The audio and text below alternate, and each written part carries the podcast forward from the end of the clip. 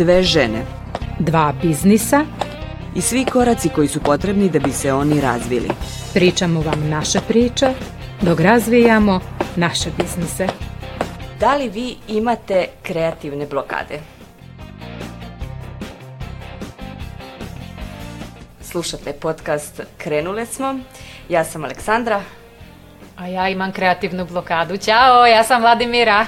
Kao što sam rekla, slušajte podcast Krenule smo. Danas pričamo o kreativnim blokadama i o tome zašto nam se one dešavaju i kako da ih prevaziđemo. Slušate nas u našem dvonedeljnom podcastu i ukoliko vam je interesantan, zamolili bismo vas da ga podelite pogotovo ako je ova tema koja je, mislim, veoma aktuelna, da pošaljete nekome kome će biti korisna. A u ovih 20 minuta ne samo da ćemo pričati o tome kako se mi sa time snalazimo, već smo pronašle i neke ideje kako bismo mogli to da prevaziđemo. Kada se pomene reč kreativna blokada, mislim da je prva asocijacija pisanje. Možda je to u stvari samo meni, zato što sam ja i u svetu pisanja, a negde i u novinarstvu uvek imamo to neko pisanje. A, međutim, to ne mora da bude slučaj. U stvari, kreativna blokada može biti kada prosto brojke ne ulaze u digitron ili formular je prazan ili pogotovo kad je u pitanju pisanje projekata, mislim da to isto može da bude onako katastrofalno. Možda to stvari samo moje o, o, lično e, viđenje toga. Tako da kreativna blokada može da nastane u bilo kom polju u kom radimo ili poslujemo i nije bitno da li su to brojke ili su to reči. Tako je, mada u stvari kreativne blokade kao pojam i kao pojavu si mi ti osvestila kada smo se pripremale za ovu epizodu podcasta Krenule smo, zato što i ja kada kažem kreativna blokada i meni je to ono, blokada kada nešto kreiram, kada kreiram novinarski sadržaj, kada kreiram multimediju ili neke objave za društvene mreže, na blogu VDV medija. Znači uvek je to taj neki deo kreativni, ta novinarka u meni, ali u suštini onda kada sam razmišljala, setila sam se jednog formulara, pominješ formulare, formular koji stoji već dve, tri nedelje na mom stolu i potrebno mi je možda ono maksimalno 10 minuta da ga popunim i sve su to meni poznati podaci ili prepišem iz, iz rešenja iz APR-a, ali mene toliko živcira popunjavanje bilo kakvih formulara pa i pisanje projekata medijskih, tako da samo po strani ostavljam i još ne gori, pa još me panika ne hvata ali mislim da već sledeće nedelje će goreti, tako da ono, potrošit ću tih 5-10 minuta vremena na popunjavanje tog formulara, ali kontam da je upravo to ta neka blokada, ne želim, ne mogu, ne mogu da se koncentrišem na prepisivanje suvoparnih nekih informacija, podataka i blokiram se, zastanem i samo malo pomerim taj papir. Jeste, baš ja sam razmišljala o tome kada ja imam kreativnu blokadu I to je uglavnom kada se dešava nešto što ja ne želim da uradim, što me ne privlači ili kada prosto zamišljam to mnogo više ili zamišljam da bi trebala to mnogo više da uradim ili mnogo bolje da uradim, a ne uradim to tako. I onda tu nastane isto ta blokada ili ono što mi je najgore i najteže mi pada kada ja smatram da nisam dovoljno dobra za taj poduhvat i da ga neću znati uraditi. Mislim da se to nikad nije desilo i kad god sam se uhvatila uradila sam ga, uspešnije ili manje uspešnije, već se to zavisi, ali sam ga uradila. Znači potrebno je samo uhvatiti se. Kada se tebi, Vladimira, najčešće dešava blokada? Da li su to te neke bukvalno stvari koje su samo u pitanju kreativne ili i ti imaš problema sa Imam, samopouzdanjem? Ponekad imam iz problema sa samopouzdanjem, naravno, ali s godinama se to menja. Imam problema i kada pišem neku super priču i znam da je fantastična i treba da je prikažem na što bolji način, a ponekad ili se vreme uroti protiv mene ili možda tehnologija ili, ja ne znam, glavobolja i to se dešava i onda malo zeznem u kreiranju sadržaja i onda to me nervira, ali svakako ono što je važno u svim oblastima i biznisa i preduzetništva i novinarstva i života da najčešće je jako važno uraditi stvar ne mora uvek da bude odrađeno savršeno, perfektno. Ja imam sreće što nisam perfekcionista i to mi je baš onako super. Možda vidim kasnije da imam neke slovne greške ili nešto, nekad se to može ispraviti, nekad se ne može, ali meni je to super što nikad nisam bila perfekcionista. Pa to je u stvari veoma dobro, zato što ja se uvek pojedem kada napravim neku grešku, a pravim ih pogotovo kada smo sami u tom poslu. Mislim da je to prosto neminovno. Ali kad sam ti postavila pitanje, spomenula sam samo pouzdanje, zato što mi je veoma interesantno kad sam istraživala za ovo izdanje podcasta, e, istraživala sam kreativne blokade na srpskom i na, na engleskom jeziku i tekstovi koji su izašli na srpskom jeziku bilo je uglavnom da vam se ne sviđa projekat na kom radite, problemi copywritera ili tako neke stvari koje su objektivne, a skoro svi tekstovi na koje sam kliknula na engleskom jeziku bili su sa tog psihološkog aspekta i to mi je bilo veoma interesantno. Znači tu su, ne znam, problemi sa samopouzdanjem, suočavanje sa nekom težom situacijom od psihičkih, mentalnih do financijskih, nebitno, ali naravno da i financijske mogu jako puno da utiču na to kako mi stvaramo u stvari. Tako da neke od tih razloga za u stvari kreativne blokade koji se spominju, a koji su u stvari na toj strani mentalno ili psihičko jeste možda kraj veze ili smrt nekog bliskog koji prosto utiče na, na to, e, kao što sam spomenula, financijska situacija, možda smo se susreli da smo naišli na odbijanje naše ideje ili našeg rada, što utiče onda na naše dalje stvaranje, utiče na naše samopouzdanje i u stvari na tu našu sumnju koju mi imamo. Tu se onda stvara, naravno nadovezuje se anksioznost oko stvaranja i možda strah od kritike. Čime ja znam da, u stvari ja imam jako veliki problem sa, sa, sa tim strahom od kritike, zato što možda to baš dolazi od te moje, u stvari, pokušaja da budem perfektna i da ne grešim, to je što manje da grešim. Pa to svakako i kod mene postoji i kod mnogih ljudi, verujem, ono što možda će se činiti jako smešno, ali mene ume da blokira i nešto što dolazi iz fizičkog sveta, a to je, na primjer, kad treba da dođem na posao i kad treba da parkiram kola i kad ono, nemam puno mesta na parkingu, znači krene me neki strah i da ono, ću lupiti druga kola, ali zahvaljujući kolegama naučila sam super rikverc, da, parkiram, tako da ono, o, o, ovu vrstu blokade više nemam, ali sam primetila da onda kada dođem na posao treba mi dosta vremena da se vratim u neku ravnotežu, da nađem taj neki balans i da prestanem da razmišljam o tome kako sam sam parkirala, kako nisam, tako da stvarno ono, razlozi za kreativne blokade mogu biti različiti, a da mislim često nismo ni svesni, često ni ne razmišljamo da je baš to taj trigger, taj okidač ono kada smo se blokirale. Tako da mislim smešno je možda ovo, ovo sa parkingom, ali tu vrstu blokade sam eliminisala zato što sam naučila super da parkiram kola ali E, toga treba biti svestan i da kritika i mene boli i izbacuje iz takta i teško se vraćam u ravnotežu. To je ta onda blokada, ne blokada samo da ne mogu da se vratim da radim posao, već ne mogu, ne, na primjer, da se posvetim porodici, posvetim, ne znam, možda zabavi, jer stalno analiziram u glavi zašto i kako. Drago mi je što si parking spomenula, zato što nešto što sam videla, što mi je bilo jako fascinantno, jeste da u suštini taj parking uopšte nije smešan. Zato što na kreativnu blokadu mogu da utiču čak i radne navike koji prosto ne rade, ne funkcionišu. Mi možda nismo ni svesni da one ne funkcionišu. Mislim, ono što me baš me to iznenadilo zato što nikad nisam obraćala pažnju na to. Možda baš to što prvo popijem kafu ili posle pijem kafu utiče na to da ja prosto neću znati kako pišem ili gde pišem ili kuda se obraćam. Tako da su to neke stvari koje su možda na, o kojima ne razmišljamo, zato sam i te radne navike izvukla, zato što ja, na primjer, uopšte nisam razmišljala o tome da prosto to može ikako da utiče na kreativni proces razmišljanja.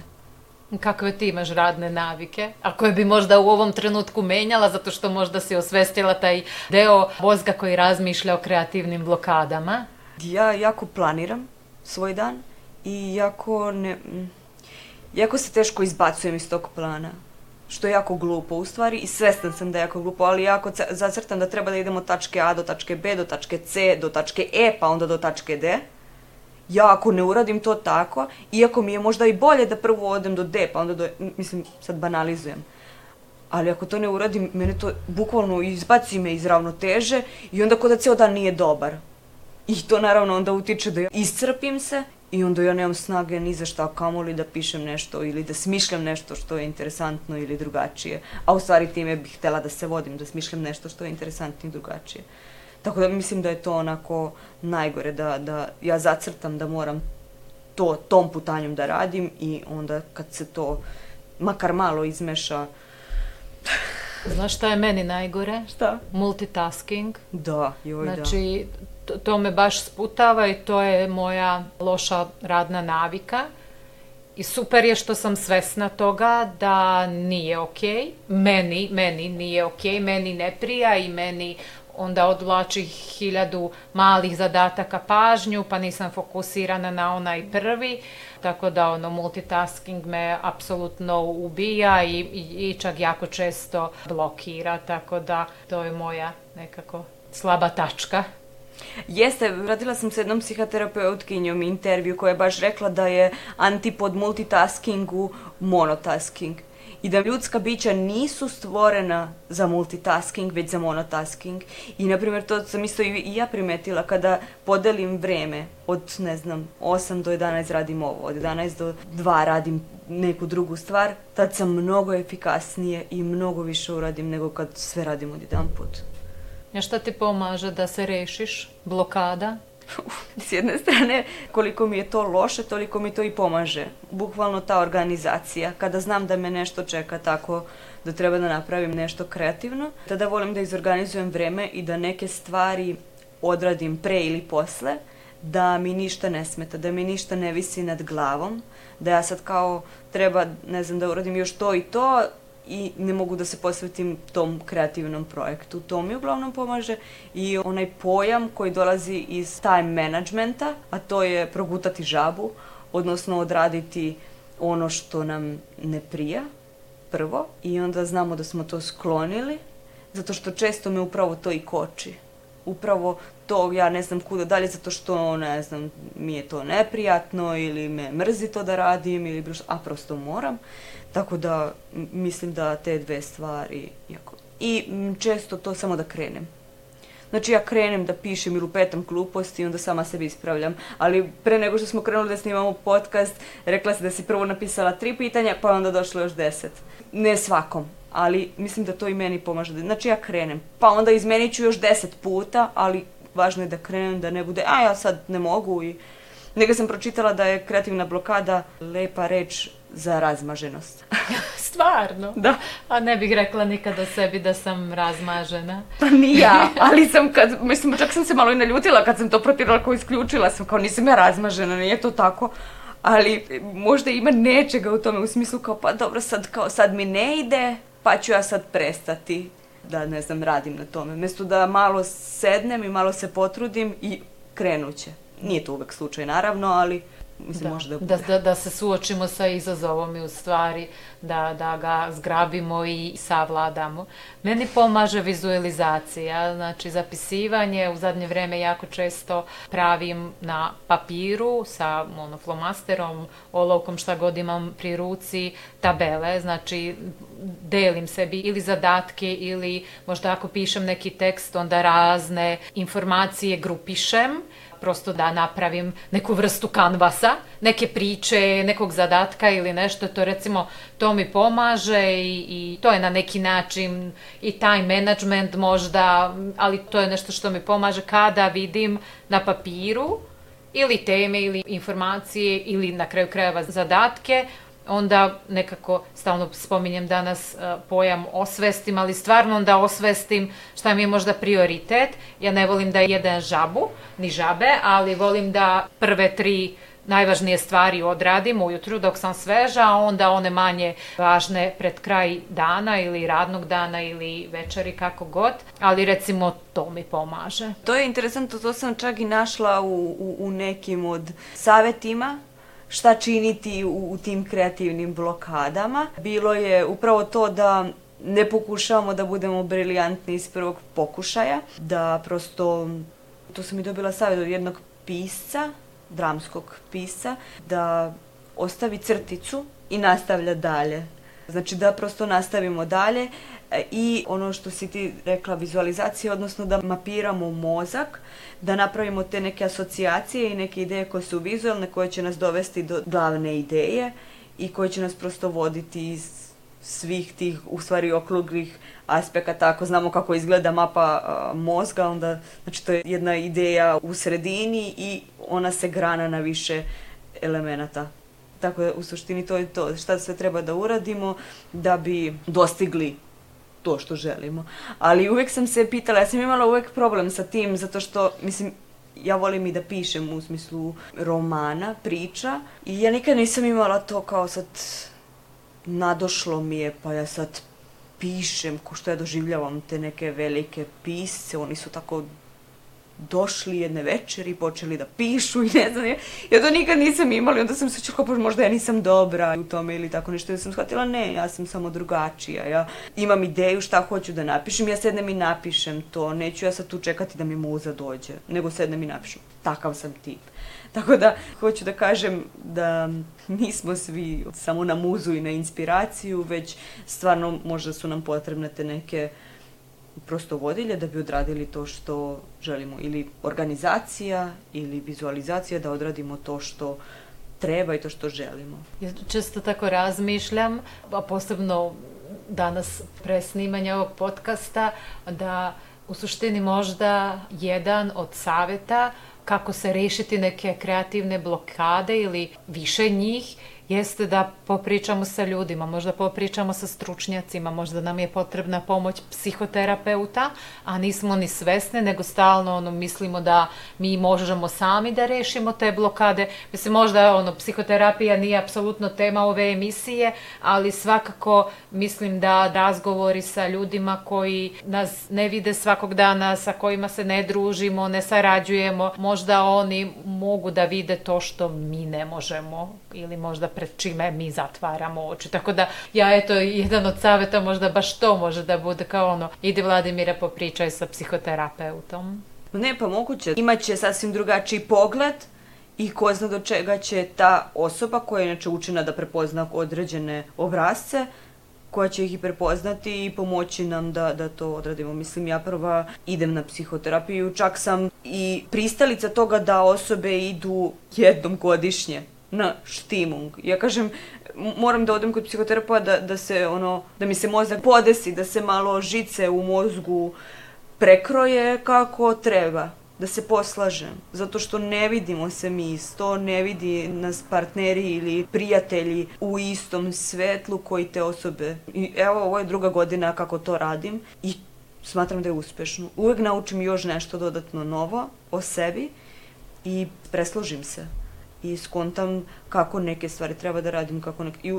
uvek nadogradim to već postojeću neku bazu gde sam ja napredovala, sad sam napredovala još jedan korak napred ne mora to da bude, mislim, Da, mislim, kod nas je to još uvek tabu tema i, i zato mi je i drago što spominjemo psihoterapiju, zato što, mislim, otprilike svima nam je potrebna, svima. Brzo živimo, ludo živimo, zatvaraju nas, ove godine otvaraju nas ovo ono i mislim da je to sasvim okej okay stvar. Tako je.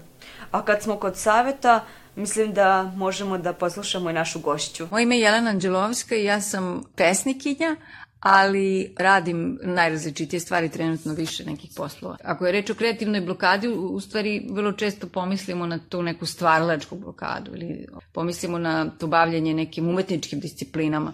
Međutim, mene, ono što mene tu brine jeste životna blokada, kreativna blokada e, života koja je neminovno povezana i sa ovom prethodnom. Ako pričamo o ovoj prvoj, sećam se da sam pre puno godina pročitala knjigu Patti Smith e, koja se zove Samo deca, Just Kids, prevedena je i kod nas ili u ili u Hrvatskoj, da ne mogu da se setim, ali ovaj, ona u toj knjizi upravo kaže kako je pitala nekog starog pista šta da radim sa tim kada dođem do zida u pisanju. Ovo je rekao pa probi taj zid. Ja sam pomislila, a eto ga, probi taj zid.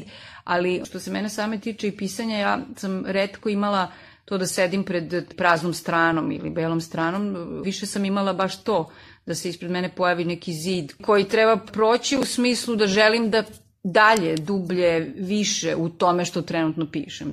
Toliko o tome, ja mislim da upravo radom, što se, eto, konkretno pisanja tiče, se to probija, ali nekad jednostavno ne možemo da, prosto svakodnevnim pisanjem i ispisujući prolazi se kroz ove stvari, vežbom, ali opet kažem, nekad ne možemo ni da, da pišemo i to je okej, okay. mislim da i to treba prihvatiti i ono što mene više inače brine jeste taj moment da ne budem gruba prema sebi kada ne mogu da uradim stvari ili kada ih ne uradim kako treba, čime se sama borim i to sve naravno je vezano za razne stresove, pritiske, jeste to lično pitanje, ali nikad nije lično, naravno da je ono i političko pitanje, društveno, apsolutno odnosu na društvo u kom se nalazimo, s kojim smo najčešće, bar ja i moja najuža okolina, smo u, u tom nekom decenijama stalno ovaj, nekakvom odnosu uh, Eh, otpora, nezadovoljstva, konfrontiranja, dakle jednom vrlo napetom odnosu sa čitavom jednom vodećom postavkom, eh, načinom na koje se ovo društvo vodi. Dakle, to nije jednostavno stanje u kom mi plivamo,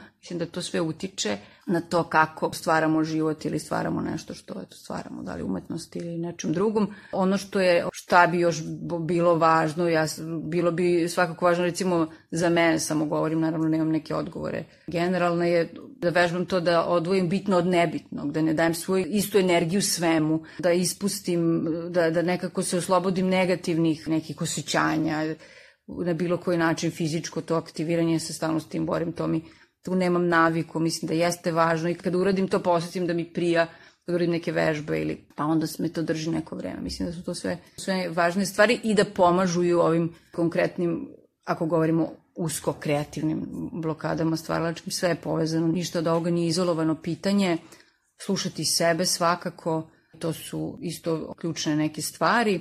Ono što mi isto pade na pamet, znam da je pre puno godina Lori Anderson imala, napravila jedan software koji je u stvari bio čitava knjiga. Čini mi se da je zločin i kazna, ali svakako neki Dostojevski. I ona je imala ideju s ovim softverom da pomogne piscima koji imaju takozvane kreativne spisateljske blokade. On To na engleskom se kaže blank page, dakle prazna strana sa koji sede pred raznom stranom i tako bulje u nju. I onda je ona napravila softver gde je zapravo čitav roman ja bih rekla dakle, da kada je bio Dostojevski, nema tuje, a kad uđete u taj softver samo nema imena. Onda vi onda, ovaj, bukvalno kao možete da zamenite, da ubacite imena kakva vi želite i vidite šta bi se u tim onda situacijama kada neko ime promeni ceo kontekst ovaj, desilo. Kao nekakva vežba da priča već postoji, a vi je svoje strane kao minimalno modifikujete i prazna, strana vam nikad nije prazna, a vi onda vremenom sve više modifikujete tu priču. Imala je neku ideju o tehnološku, uz pomoć tehnologije, ne znam sad koliko je to zaživalo, mislim da nikad nije bilo popularno. Slušali ste podcast Krenule smo, u kom smo pričale o kreativnim blokadama i o tome kako ih mi doživljavamo i kako ih prevazilazimo. A slušajte nas ponovo i za dve nedelje, zato što ćemo pričati malo više o autorskim pravima, koja mislim da je goruća tema od kako smo počeli da pričamo o autorskim pravima. U stvari ne samo goruća, nego i nedokučena tema tako da pokušat ćemo malo da razgledamo, pogotovo u tim aspektima koji su nama veoma važni za multimedijalni sadržaj. Dotle nas pratite na društvenim mrežama, na Facebooku Fabrika kreativnosti i VDV Media Srbija, na Instagramu F kreativnosti VDV Media. Usput možete i da vežbate prst i možete da podelite naš sadržaj, posebno ovaj podcast, da pozovete prijatelje da nas poslušaju. Pošaljite nam i, i predloge tema, komentare, kako nas slušate, kako se slušamo, šta treba da popravimo, a šta treba još više da pojačamo. Važno nam je šta mislite. Čujemo se za dve nedelje. Ćao! Ćao!